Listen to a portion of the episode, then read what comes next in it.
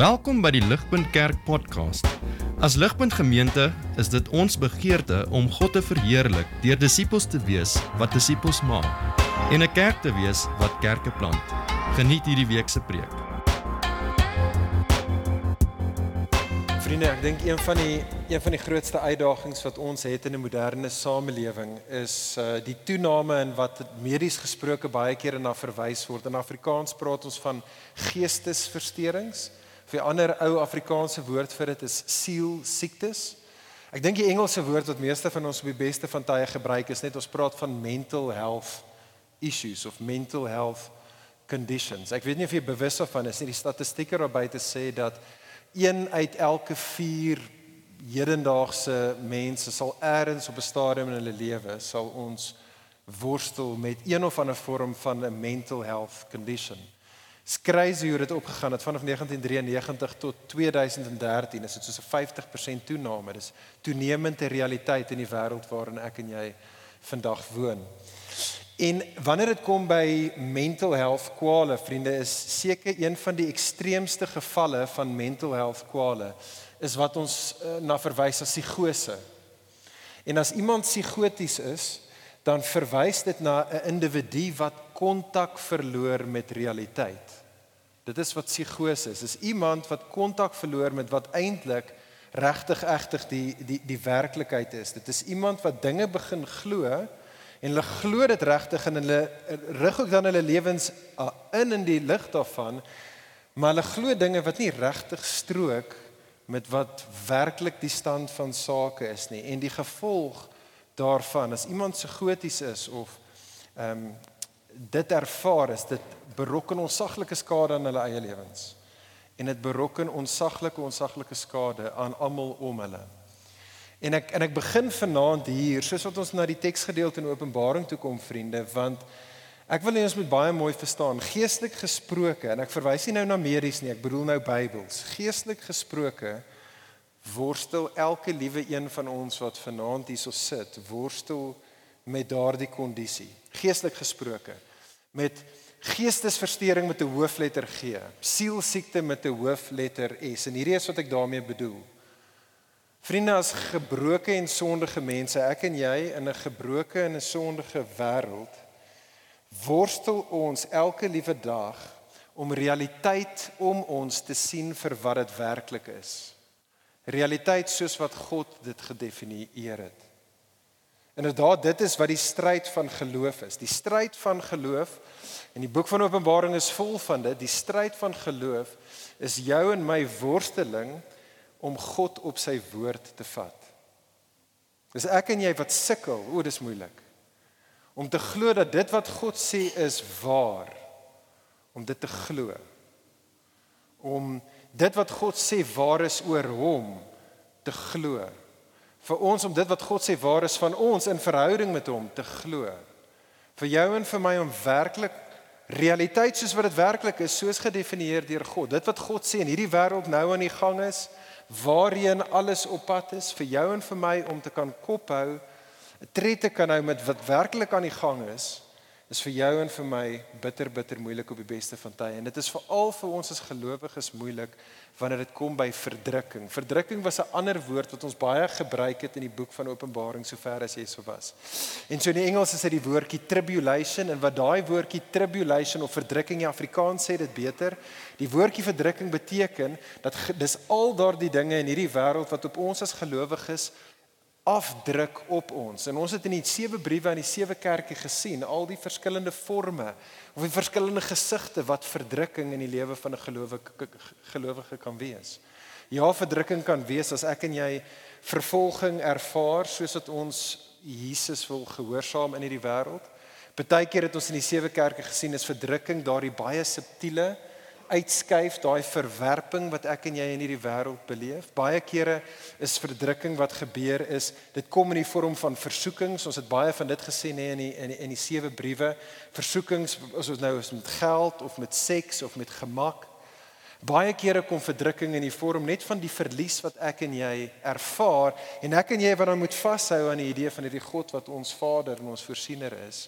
Verdrukking is ook soos ons gesien het in die sewe briewe aan die sewe kerke kom baie kere voor in die vorm van valse lering en al daardie magte vriend vriendin wat in jou en in my lewe elke liewe dag inwerk het die vermoë om jou en my as dit ware goddelike perspektief te laat verloor. Ons sukkel om te onthou dit wat God sê is waar oor hom, oor ons, oor die wêreld en waarheen alles op gaan. Dis vir ons dis moeilik om in geloof te volhard om soos die boek Openbaring dit beskryf om te oorwin.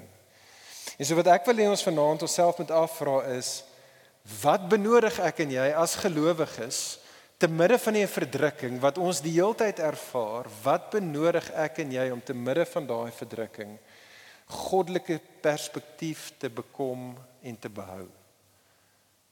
En die antwoord is ek en jy kort openbaring. Dit is wat ons benodig. En spesifiek Openbaring hoofstuk 4 en hoofstuk 5. En so ons maak klaar met hierdie reeks Ehm um, en, en en ons het hierdie reeks soos dit hier op die skerm vroeër vanaand is, is ons dit getitel die openbaring van Jesus. Dit is letterlik die die eerste paar woorde waarmee die hele boek van Openbaring begin het. En as jy onthou in hierdie reeks sover het ons in hoofstuk 1 gesien het Johannes sy eerste visioen gehad van Jesus. Kan jy dit onthou? Dit was 'n visioen in hoofstuk 1 waar Jesus homself openbaar het vir wie hy is. En Jesus het gewys dat hy is die koning, die ewige koning uh, van God se ewige koninkryk. Toe in hoofstuk 2 en 3, die sewe briewe aan die sewe kerke het Jesus vir mense wat in verdrukking is, gesê hierdie is die manier wat jy lewe in 'n wêreld van verdrukking, jy onthou wie ek is. Hoofstuk 1. Lewe in die lig van wie ek is, naamlik die koning van God se koninkryk. Nou in vandag se gedeelte wat ons nou kyk, hoofstuk 4 en hoofstuk 5, Johannes se tweede visioen. En dit is belangrik dat ons dit besef, hoofstuk 4 en 5 in Openbaring is een visioen, dis nie twee nie, is een visioen wat hier afspeel. En in hierdie visioen wat Johannes hierso sien, is nog steeds wie Jesus is, maar dit gaan so stappie verder. In hierdie visioen sien hy wie Jesus is, maar baie belangrik in hierdie visioen sien hy ook waar Jesus is. En dis massive.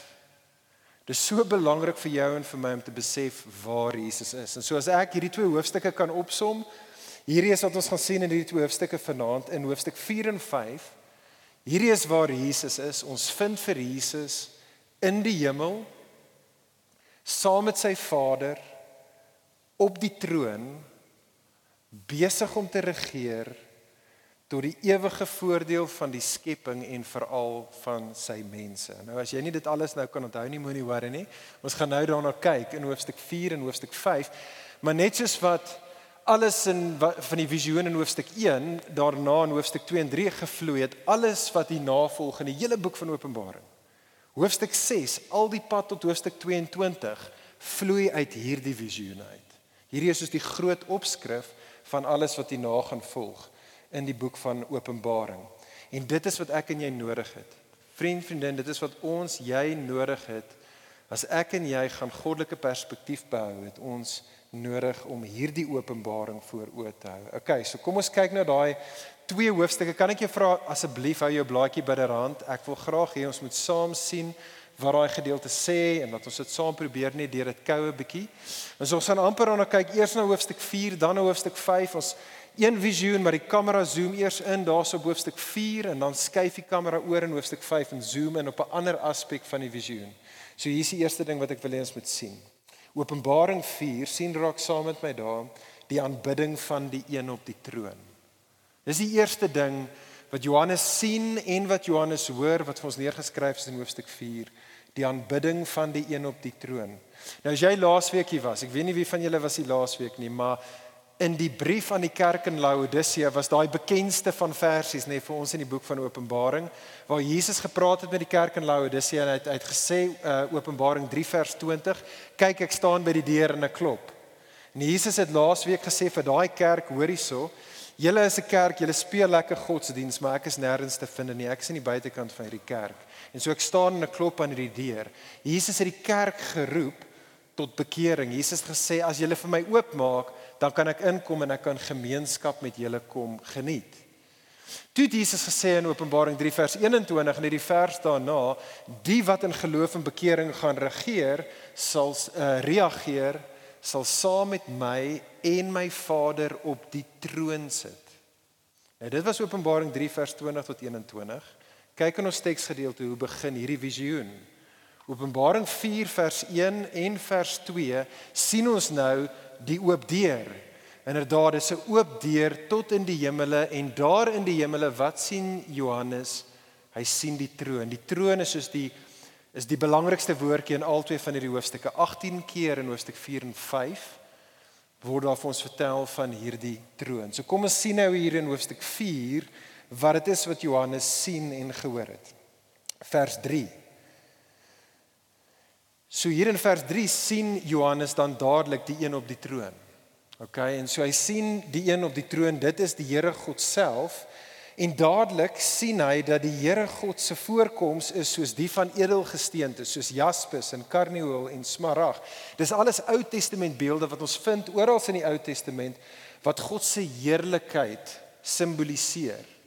Dis as dit ware God se glans, soos hierdie edelgesteentes wat skyn, kommunikeer dit simbolies vir ons. Hierdie God wat op die troon sit, Hy skyn in al sy glorie en ek wil hê jy moet hierdie visioen probeer sien. Moet dit nie net hoor nie, probeer imagine dit wat Johannes gesien het. Right, so hy sien vir God, die Here God op die troon en hy skyn vers 3 in al sy glorie. sien jy daar vers 4? Die volgende ding wat Johannes sien is om die troon teen teen en verhef, sien hy hierdie ander 24 trone en sê dit Johannes sien dat daar is op elkeen van die 24 trone is daar hierdie ouderlinge Nou reg deur die Ou Testament en die Nuwe Testament is ouderlinge daardie individue wat leiers is van God se mense. En uh die 24 10 10 verwys na die 12 stamme van Israel, so dit verwys na God se Ou Testament mense. En die 12 apostels wat ons het in die Nuwe Testament verteenwoordig God se Nuwe Testament mense. En so wat hy sien is God op die troon, hy skyn in al sy glorie en God se mense is daar in sy midde En sê dit daarso hulle is in wit geklee. Met ander woorde, hulle is mense wat vryspraak geniet. Hulle staan vol van geregtigheid in die teenwoordigheid van God en hulle self, hierdie mense van God, hierdie 24 ouderlinge, hulle het goue krones op 'n kop. Met ander woorde, hulle is mense wat deel in God se heerskappy. sien verder met jou geestesoë dit wat Johannes gesien het. sien jy daar vers 5? Vanuit hierdie troon uit. Kan jy dit imagine? Skiet daar weerligstrale en dit is die gedruis van donderweer wat Johannes daar sou hoor.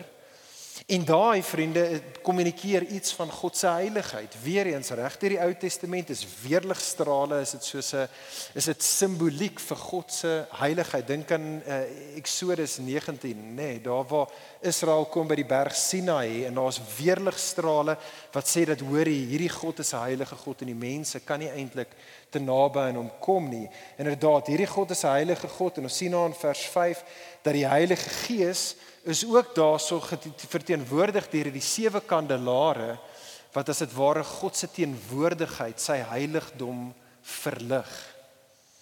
OK, so dit is die beeld. Kan jy dit sien? Voor die troon vers 6 dan verder sien ons so hier's hierdie troon, die mense om dit, weerligstrale, alles is helder. Maar om die troon kan jy dit daarso sien, is dit 'n see soos glas. Die see lyk soos kristal. Nou dis baie belangrik. Reg deur die Ou Testament. Onthou alles in die boek van Openbaring kom uit die Ou Testament uit. Jy kan nie Openbaring verstaan as jy nie die Ou Testament lees nie. Reg deur die Ou Testament simboliseer, kommunikeer die see boosheid en kwaad en chaos. Die hele Ou Testament is die storie van hoe God oorwinning het oor die see. Dink aan Genesis 1 hoe hy kom en uit die chaos van die water uit 'n nuwe wêreld skep. Dink aan hoe God 'n pad maak vir Israel deur die see en hoe hy sy vyande daar vernietig. Dink vir Jona wat waar die waters bedaar nadat hy ingegooi word. Dink aan Jesus wat op die water loop. Dit kommunikeer dieselfde punt oral deur die Bybel vir ons. Hierdie God is die een wat mag en gesag het oor die bose, oor chaos, oor kwaad. En wat sien ons hier? Wat sien Johannes in sy visioen? Wat daar waar die troon is, is die water glad en rustig en stil. Hy regeer, hy heers oor alles. Hy het Hy, hy is die baas oor dit alles. Sien jy verder daarso vers 6 tot 8 rondom die troon. Ons word vertel van hierdie vier lewende wesens. 10:10 in gerubs, maar hulle is in die voorkoms een van hulle in die voorkoms van 'n leeu, die een gerub, die ander een in die voorkoms nie van 'n kalf soos die Afrikaans sê en ek dink die Engels is hier reg meer 'n os. Die ander een is in die voorkoms van 'n mens en die ander een in die voorkoms van 'n arend. Daai vier simboliseer die merkwaardigste van lewende wesens van gediertes. So dit dit vat saam al die lewende wesens in die wêreld en hier is hierdie lewende wesens ook daar by die troon en sien jy hulle het hierdie vlerke en op hulle vlerke is dit bedek met oë. En wat die oë kommunikeer daarso is dat hierdie gerub sien alles. Hulle mis niks nie. Hierdie vier lewende wesens, hulle sien alles. Hulle het 2020 perspektief. Daar waar hulle is in die hemel, is daar nie 'n ding wat hulle mis nie. En so hulle staan daar en hulle sien en wat sê hulle soos hulle met hulle perfekte perspektief God en realiteit sien vir wat dit is? Wel kyk ons saam met my einde van vers 8. Dag en nag onophoudelik roep hulle uit: Heilig, heilig, heilig is die Here God, die almagtige, hy wat was en hy, hy wat is en hy wat kom. En soos wat hierdie lewende wesens dan kom vers 9 en 10 en hulle sing hulle lof aan God, kan die 24 ouderlinge nie help om hulle te join en so hulle begin dieselfde te doen. Hulle gooi hulle krones van hulle hulle val neer, hulle sit hulle krones neer voor hierdie God en hulle roep saam met die eh, saam met die vier lewende wesens. Uit kyk vers 11. Hulle roep uit en hulle sê: "U is waardig, ons Here God." Om die heerlikheid en die eer en die krag te ontvang. Hoekom? Want U is waardig omdat U alle dinge geskep het. Deur U wil het U alles laat ontstaan en deur U is dit alles geskep. So imagine saam met my by jy's by 'n partytjie nê en by daai partytjie is ehm um, iemand wat soos baie belangrik is, nee, iemand wat baie spesiaal is, een of 'n Springbok rugby speler of 'n Hollywood aktrise of ek weet nie Elon Musk, okay? Nou as jy by so 'n party is en daar's iemand soos dit, ek kan vir jou waarborg daai persoon is the center of attention. Almal staan hè en jy praat met iemand hier, maar jy actually luister nie wat hierdie persoon vir sê nie, want jy's actually besig om daar te kyk. Jy luister wat die spesiale belangrike persoon sê. Jy's heeltyd besig dat jy hoop net dat jy kan met hulle kan gesels. Alles wat daar is draai eintlik om hulle. Hulle is spesiaal, daar's soos hierdie aura om daai celebrity wie ook al die persoon is en die rede is dis hoekom hulle celebrities is. Dit is hoekom hulle spesiaal is. Hulle het iets gedoen Hulle het iets behaal, iets bereik wat niemand anderste of wat baie minder anders bereik het. Nou is 'n klein voorsmaakie of 'n klein prentjie van wat ons hier het. Wat ons sien in Openbaring 4 vriende is daar in die groot saal van alle realiteit. Is daar net een wat die center of attention is. Daar's net een op die troon en dit is die Here God self. Alles draai om hom, almal kyk na hom, almal buig voor hom. Hy is die een met die ora, hy is die een wat almal loof en prys. Hoekom? Want ons iets wat waar is van hom wat nie waar is van enige iets of enigiemand anders in alle realiteit nie. Ons net een ding wat hy kan doen. Een ding wat hy gedoen het. Hy het geskep. Hy is die gewer van lewe. Hy is die een wat alles in stand hou. En vriende, soos ek vroeër gesê het, die punt van die boek van Openbaring is om vir gelowiges soos ek en jy te midde van ons verdrukking perspektief te gee en dit is die groot punt van Openbaring hoofstuk 4 en hoofstuk 5. Kan ek jou vra as jy vanaand hierso sit, wat is jou spesifieke verdrukking wat jy tans beleef? Ek weet ons het in die laaste 7 weke oor gepraat. Maar ek wil dit net opsom vir ons vanaand. Kan ek jou vra stop gou vir 'n oomblik en dink, wat is dit? Dalk is dit party van ons wat voel aan vervolging, persecution ervaar omdat ons disippels van Jesus probeer wees. Dalk is dit jy. Dalk is dit jy soos ons so 'n paar weke terug gesê het, jy word net so klein bietjie uitgestoot, verwerp deur jou familie, verwerp deur jou pelle, verwerp deur wie ook al dit mag wees, dalk by die werk omdat jy gehoorsaam en getrou wil wees aan koning Jesus. Dalk is dit dat jy worstel met versoekings, jy sukkel in die stryd teen sonde of dit nou is finansiëel of seksueel wat ook al dit mag wees, jy sukkel daarmee. Dalk is dit dat jy vasgevang en jy sukkel heeltyd voor jy weer sien worstel jy met valse lering. Ek weet nie wat dit vir jou mag wees nie. Wat Openbaring 4 wil doen is Openbaring 4 wil jou help en jou wakker laat skrik in die midde van dit en vir jou sê onthou wat is regtig egtig waar. Hy, jy gelowige, jy wat besig is om dronk te raak deur wat ook al dit mag wees wat jou laat perspektief verloor. Onthou wat is waar. Onthou wat is realiteit. En Openbaring 4 sê vir jou en vir my daar's 'n God en hy sit op die troon en hy is die skepper. En dit is goeie vriende. Uh, dis goeie nuus vriende vir mense soos ek en jy.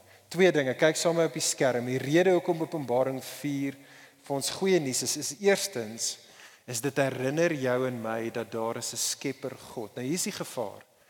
Ons as Afrikaners is so gekerk dat as ons praat van daar's 'n God of daar's 'n Skepper, dan beteken daai woorde amper niks vir ons nie, want dit is net woorde wat ons te veel kere hoor. Maar stop net gou vir 'n oomblik. Knyp jouself in die binnebeen, haal diep asem. Besef wat ons sê. Wat ons glo, wat die Bybel sê, wat Openbaring 4 sê, is dat daar is 'n wese wat alles gemaak het. Hy het alles maar alles gemaak. Die sekulêre wêreld waarin ek en jy woon, glo nie dit nie.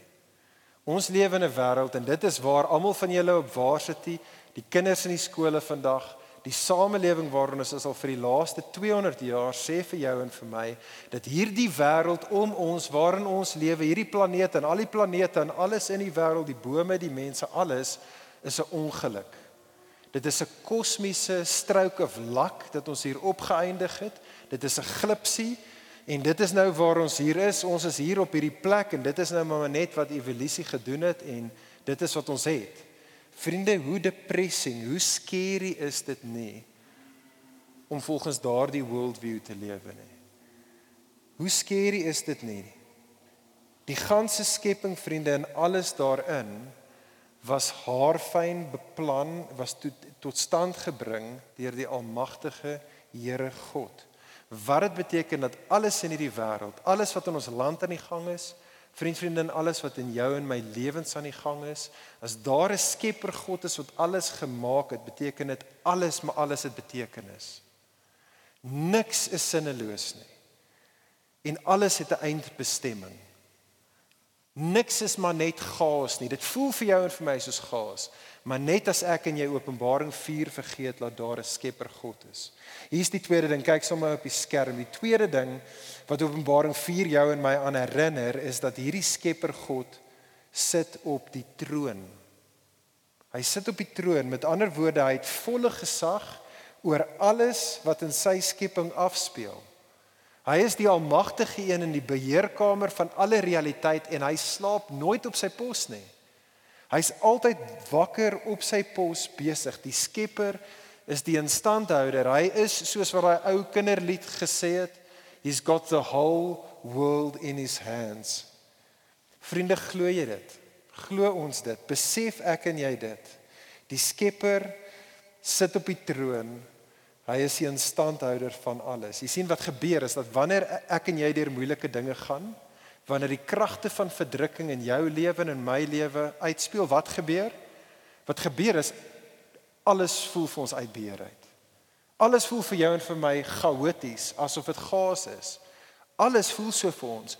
Maar vriende, dis nie waar nie. Dit is bloot jou en my geestesversteuring. Dit is jou en my sielsiekte wat net stuiptrekkings kry. Die realiteit is is dat die Skepper sit op die troon. Alles is altyd in beheer. Om hom om die troon is die waters heeltemal stil. Dit is soos glas, dit is soos kristal. Dit voel nie so vir jou en vir my nie, maar wat ek en jy voel is nie realiteit nie. Ons het nodig om voor oë te onthou die Skepper God wat op die troon sit. Wat beteken dit vir jou en vir my? Hoe behoort ek en jy te re reageer in die lig van dit? Wel Openbaring 4. Die gepaste reaksie as daar 'n Skepper God op die troon is, is 'n lewe van aanbidding. Dis 'n lewe soos wat ons hier sien. Dit is wat die gerubs doen of wat die lewende wesens doen. Dit is wat die ehm um, wat uh, die ouderlinge hierso doen in die gedeelte. Dis 'n mense wat nie net met hulle lippe nie, maar met hulle ganse lewens die Here aanbid. Kan ek jou vra wat is die spreekwoordelike kroon op jou en my kop? Wat is die kroon op jou kop? Wat jy nodig het om neer te lê voor die God op die troon wat waardig is van alle glorie en alle aanbidding in jou lewe. Wat is dit vir jou? Hierdie gedeelte nooi ons om te sê kom ons word wakker, kom ons lewe in lig van realiteit.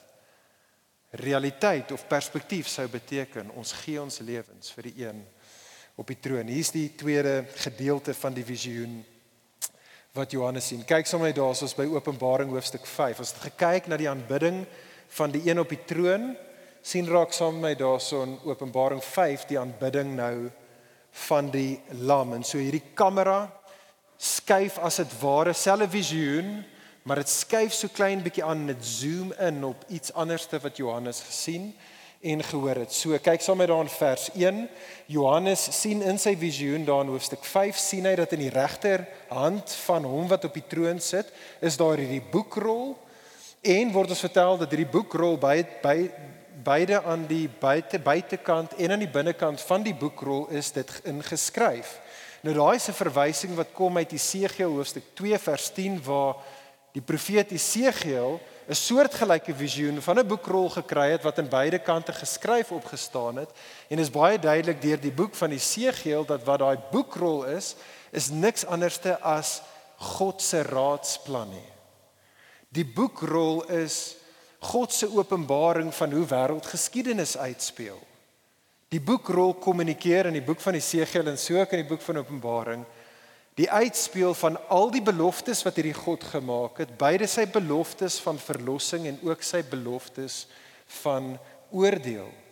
En so dit is wat Johannes sien in die hand van die een op die troon, maar dan sien hy dat hierdie boekrol is totaal en al geseël. sien jy daar hy het sewe seels op, onthou sewe, die getal van volheid, dit beteken hierdie hierdie hierdie boekrol is vol naaks. Jy kom nie daarin nie. Hy is heeltemal toe. Niemand kan dit oopmaak nie. Maar dan vers 2 sien jy dit daar? Is daar hierdie engel. Hy's nie net 'n engel nie. Die teks sê hy's 'n sterk engel.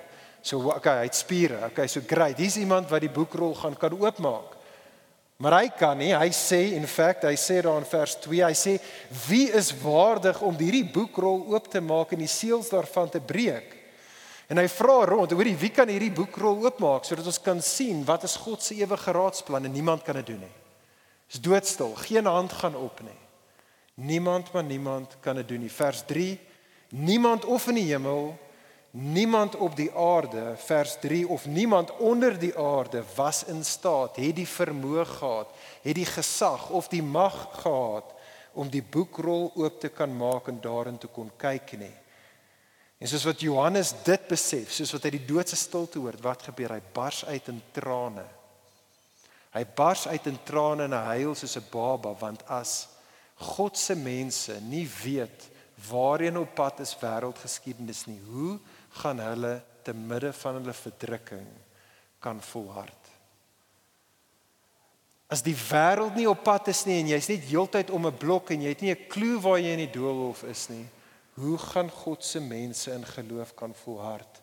En soos wat hy huil, kom daar hierdie ouderling en die ouderling kom bemoedig hom en spreek dan hierdie soete woorde aan hom vers 5. Die ouderling sê vir hom Johannes, hou op huil, moenie treur nie. Vers 5: Kyk, die leeu uit die stam van Juda, die wortel van Dawid het oorwin sodat hy die boekrol en die sewe seels daarvan kan oopmaak. En so Johannes is opgewonde. Kan jy dit sien? Hy's so opgewonde en hy kyk rond. Waar is hierdie leeu van Juda wat hy van hoor? En soos wat hy draai om na die leeu te kyk, wat sien hy? Hy sien 'n lam, vers 6, 'n lam soos een wat geslag is. Met ander woorde, hy sien 'n lam en hierdie lam is bebloed. Hierdie lam is verskeur. Hierdie lam sien Johannes het sewe horings gehad wat kom uit die boek Daniël, Daniël hoofstuk 7. Hy het kommunikeer dat hierdie lam ja bebloed en verskeer, maar hy het alle mag, hy het alle gesag. Hierdie lam het sewe oë gehad. Dit kom uit Sagaria hoofstuk 4 uit en dit kommunikeer daar dat hierdie lam kan alles sien. Hy is alwetend. En dan kom die groot klimaks. Eintlik alles in die hele visioen tot en met Here werk op na hierdie punt. Jy sien jy kyk sommer daar in vers 7. Hier is die groot ding. Imagine wie van julle, ek weet nie julle sou dit gekyk het nie, maar man, my ouers se generasie het gekyk. King Charles se coronation wat onlangs was, nê? Nee? Hier is die regte egte coronation van die ware koning. Hier vind dit plaas. Openbaring hoofstuk 5 vers 7. sien jy dit daar? Hierdie lam een wat geslag is. Hy kom nader aangestap, sê die teks vers 7. So hy beweeg as dit ware hier op met die trappe op na die troon toe. Hy kom, hy vat die boekrol uit die hand van hom wat op die troon sit. En soos wat daai boekrol oorgehandig word aan die lam, wat gebeur vers 8? Die vier lewende wesens en die 24 ouderlinge val voor hom neer, die lam. Onthou hulle het nou net voor die een op die troon neergeval. Hier val hulle voor die lam neer. Hulle doen presies dieselfde ding. Vers 9: Toe sing hulle 'n nuwe lied. Hulle sing en hulle sê: U o lam, u is waardig om die boekrol te neem en die seels daarvan oop te breek. Hoekom? Omdat u geslag is en met die bloed het u mense vir God gekoop, mense uit elke geslag en taal en volk en nasie. U het hulle 'n koninkryk en priesters vir ons God gemaak en hulle sal as konings oor die aarde heers. Maar vriende, hierdie aanbidding van die lam deur die lewende wesens en deur die en deur die ouderlinge is nie genoeg nie. En so in vers 11 sien jy dit daar kom die engele ook in. 10000de op 10000 ontelbare engele. Hulle sê nee, ons het ook nodig om hierdie lam se lof te besing. En so hulle vers 12 sing: Waardig is die lam wat geslag is om krag en rykdom en wysheid en sterkte en eer en heerlikheid en lof te ontvang. Weereens presies dieselfde woorde wat in hoofstuk 4 vir die Here God op die troon verkondig was of aan hom aanbid was, word nou aan die lam toegeskryf hier in hoofstuk 5, maar nog steeds is dit nie genoeg stemme wat die lam aanbid nie. sien jy dit daar vers 13? Ook is dit nodig dat hierdie lam aanbid moet word deur die op die aarde en die onder die aarde op die op die see en alles wat in die see is. So elke liewe asem lewende wese het nodig om hierdie lam te aanbid. En so vers 13 aan hom wat op die troon sit en aan die lam kom toe die lof en die eer en die heerlikheid en die sterkte vir ewig en vir ewig. Ek dink elkeen van ons hier net is bewus van jaloesie, nê. Nee. Ek soos in jaloesie is nie 'n lekker ding nie. Okay, ons weet dit is nie 'n lekker ding nie. Ons weet dit is nie 'n nice ding om jaloers te wees nie. Dit is treffend dat daar's een wese in alle realiteit wat reg is om jaloers te wees en dit is God. Die Bybel sê baie kere beskryf God as 'n jaloerse God.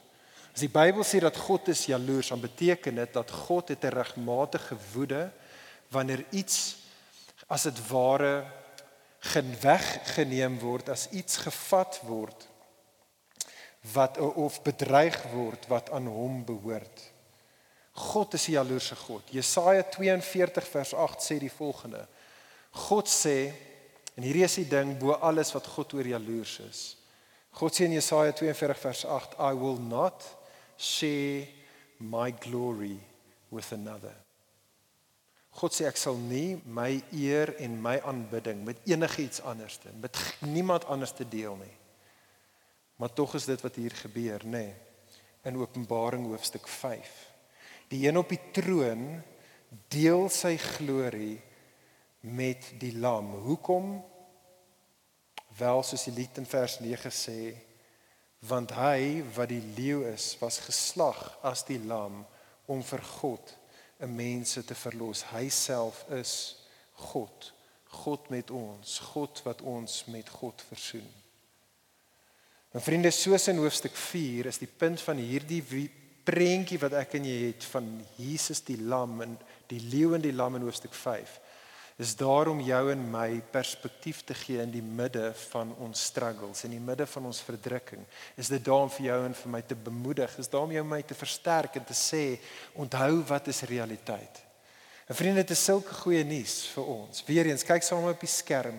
Twee dinge wat ons in Openbaring 5 sien wat jou en my inderdaad goddelike perspektief kan gee in die midde van ons verdrukking.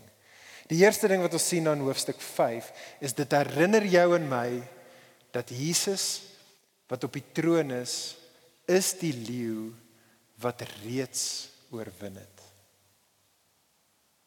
Vriend, vriendin, besef jy dit? Weerens oppas kultuur Christen, want ek weet ons het dit al gehoor. Maar glo jy dit? Besef jy dat die koning in wie ek en jy ons hoop plaas Jesus het reeds die oorwinning behaal. Hy het dit reeds gedoen. Die fight is klaar gewen. Ons almal is vertroud met uh, hierdie illustrasie, maar die Tweede Wêreldoorlog het amptelik geëindig die 7de Mei 1945. Maar die Tweede Wêreldoorlog het effektiewelik geëindig 6 Junie 1944. So 6 Junie 1944 was die dag gewees. Dis toe die geallieerde magte by Normandy aangekom het. Daar het hulle vir Hitler en die en die, en die Duitsers die laaste doodskoot gegee. Dit is waar die oorwinning behaal was. Maar die die oorlog het nog so vir so jaar aangehou. Maar Hitler en sy magte was reeds tickets gewees. Dit was net 'n kwessie van tyd vir die res om af te gespeel het. En vriend vriendin, dit is die realiteit vir jou en vir my as gelowiges. Kan ek jou bemoedig vanaand soos jy hierso sit? Christen, ja, dit is so. Ek en jy is in die stryd nou, die skote klap om jou en my kop die heeltyd in hierdie wêreld op 'n magdom van maniere, duiwel buite ons, sonde binne ons, gebroke en sondige wêreld om ons, die skote klap die heeltyd. Maar hou moed. Die uitkoms is seker van die oorwinning is reeds behaal. Die oorwinning is reeds behaal. Hou moed. Jy gaan fyn wees, ons gaan fyn wees. Jesus die leeu het oorwin. Laastens hierso sien raak saam met my die tweede ding sien raak wat Openbaring 5 ons aan herinner is dat ons koning die leeu het oorwin as die lam. Hy het oorwin deur in ons plek geslag te word. Dit het opgetel in die teks twee keer vers 6 en vers 9 sê dit dat 'n lamb was slain. Daai's woorde wat net so kom uit Jesaja 53 uit. In Jesaja 53 het ons die magtige krygsman van God wat kom en dan sy lewe neerlê as die lydende dienaar. En in Jesaja 53 sê dit dat hy die lydende dienaar, God se magtige krygsman wat dan gaan lei, hy gaan kom en hy gaan soos 'n lam geslag word, juis vir die sondes van God se mense en deur in die plek van God se mense die oordeel vir hulle te vat is dit die manier wat hy hulle gaan red wat hy hulle erfenis gaan verseker. Gelowige kan ek jou bemoedig daarmee? In jou verdrukking hierdie is wat ek en jy nodig het om goddelike perspektief te te behou. Onthou vir Jesus as die lam. Onthou dat Jesus het die oorwinning betaal be, behaal deur in jou in my plek op die kruis vir ons sondes te betaal. En dit is goeie nuus vir ons vir hierdie twee redes. Laaste twee goed wat ek wil hê ons moet sien. Dis goeie nuus vir ons vriende. Eerstens, kyk sommer op die skerm, want dit sê dis goeie nuus vir ons want dit beteken dat koning Jesus hoor jou en my gebede. Voel dit baie keer vir jou asof jy in die midde van jou verdrukking en jou swaar kry, jy bid en jy bid en jy bid en jy dink dit gaan nie verby die ceiling nie. Jy dink nie God hoor jou nie. Dit voel vir jou dat dit is alles net nutteloos, hopeloos en God hoor jou nie. Wel dit is weer eens net ons geestesversteuring wat kop uitsteek. Dis nie realiteit nie. Kyk na vers 8 in ons gedeelte. In vers 8 in ons gedeelte sien ons dat die ouderlinge bring offers aan die lam. Wat is binne in die bak wat hulle bring na die lam toe? Dit is die gebede van die heiliges. Hoe mooi is dit nie? Vriende as Jesus, die grootste van offers, gegee het naamlik homself vir ons sekerlik dan sal hy ons offers, jou en my gebede, sal hy hoor en hy sal dit aanvaar. Hy hoor jou, gelowige, weet dit. Laaste ding dan is dat die Openbaring 4 in Jesus as die lam herinner jou en my dat ons volg in die voetspore van koning Jesus. En dis 'n bemoediging vir jou en vir my as as Jesus deur sy getrouheid getrouheid oorwinning behaal het en 'n kroon bekom het dan seker sekerlik vriende is dit ook die paadjie vir jou en my. Kan ek jou aanspoor in die midde van jou verdrukking bly getrou volg Jesus se voetspore. Die paadjie van getrouheid net soos Jesus vir jou en vir my sal beteken. Dit sal beteken vir jou en vir my oorwinning en net soos hy 'n kroon. Ek sluit hiermee af. Ek sluit af. Kyk gou vinnig saam met my op die skerm. Wag, voor ons op die skerm sit, laat ek gou vinnig vir ons net sê. Ek weet nie wie van julle is bewus daarvan nie, maar ehm um, Tim Keller is 'n baie bekende uh, Amerikaanse uh pastoor gewees. Baie van ons ken hom. Uh ons het lees sy boeke. Hy het 'n groot invloed gehad op Ligpunt as 'n gemeente. Ons het opleiding gekry by hulle. Ons is deel van baie organisasies en volg baie van die dinge wat Tim Keller uh gedoen het. Tim Keller is Vrydag oorlede. Hy het die laaste 3 jaar gesukkel met kanker en hy het Vrydag het hy sy laaste asem uitgeblaas. En sy seun Michael Keller het 'n boodskap gestuur wat sy pa Tim Keller se laaste woorde op sy sterfbed of in daai laaste paar dae van sy woorde gedeel het met wat sy pa gesê het, wat Tim Keller gesê het. En ek wil hê ons moet dit vinnig lees. Kyk gou saam met my daar. Michael Keller het die volgende Vrydag gepost. Hy het gesê in prayer Tim, sy pa, said two nights ago, I'm thankful for all the people who've prayed for me over the years. I'm thankful for my family that loves me. I'm thankful for the time God has given me. But I'm ready to see Jesus. I can't wait to see Jesus. Send me home. En vriende om om so iets te sê, om daai tipe van perspektief te kan hê in jou donkerste oomblik op jou sterfbed, is net moontlik as jy jou hele lewe lank Jesus voor oog gehou het. Dit is jy in die tye wanneer die verdrukking nie so sterk is nie, onthou wie daardie Jesus is dat hy in jou donker uur soos vir Tim Keller wat jy kan vashou aan dit Dit is sy realiteit. Dit is die perspektief wat hy het. Ja, hy's besig om te sterf. Maar hy's reg om huis toe te gaan. Hy's reg om vir Jesus te ontmoet. Kan ek ons daarmee los? Kan ek ons aanspoor?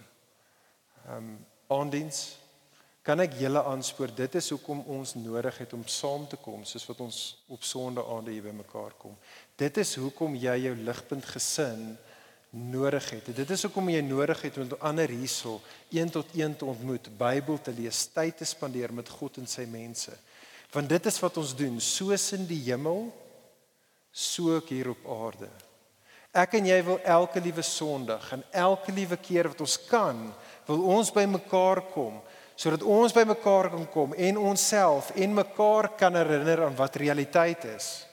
Want ons is dronk. Ons het nodig om te onthou God sit op die troon. Hy is die skepper, hy is die verlosser. Hy is die een waardig van ons aanbidding. En ons kom by mekaar en ons sing 'n nuwe lied vir hom. En dan soos wat ons sien in vers 14, dan sê ons amen na die tyd. Die woord amen beteken dit is so, dit is waar, dit is realiteit. En ons sê ons amen in vers 14 dan gaan ons uit en dan gaan lewe ons lewens van aanbidding.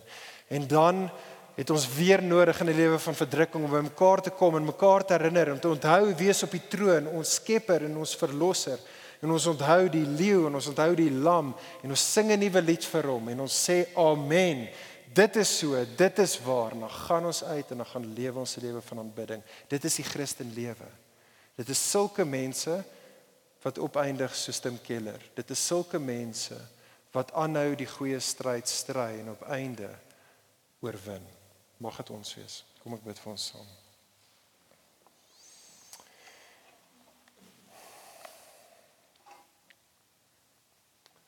Ag Vader, wees ons genadig. U wat so goed was vir ons in U seun en U wat elke liewe dag vir ons so goed is in U seun en deur die Gees. Ag Here, wees ons genadig En gee vir ons die goddelike perspektief om U en die lam op die troon te onthou. Ag Here, maak ons rustig soos wat die lewe vir ons soos gaas voel en help ons om ons lewens te gee om U te aanbid. U is waardig om geloof en geprys te word.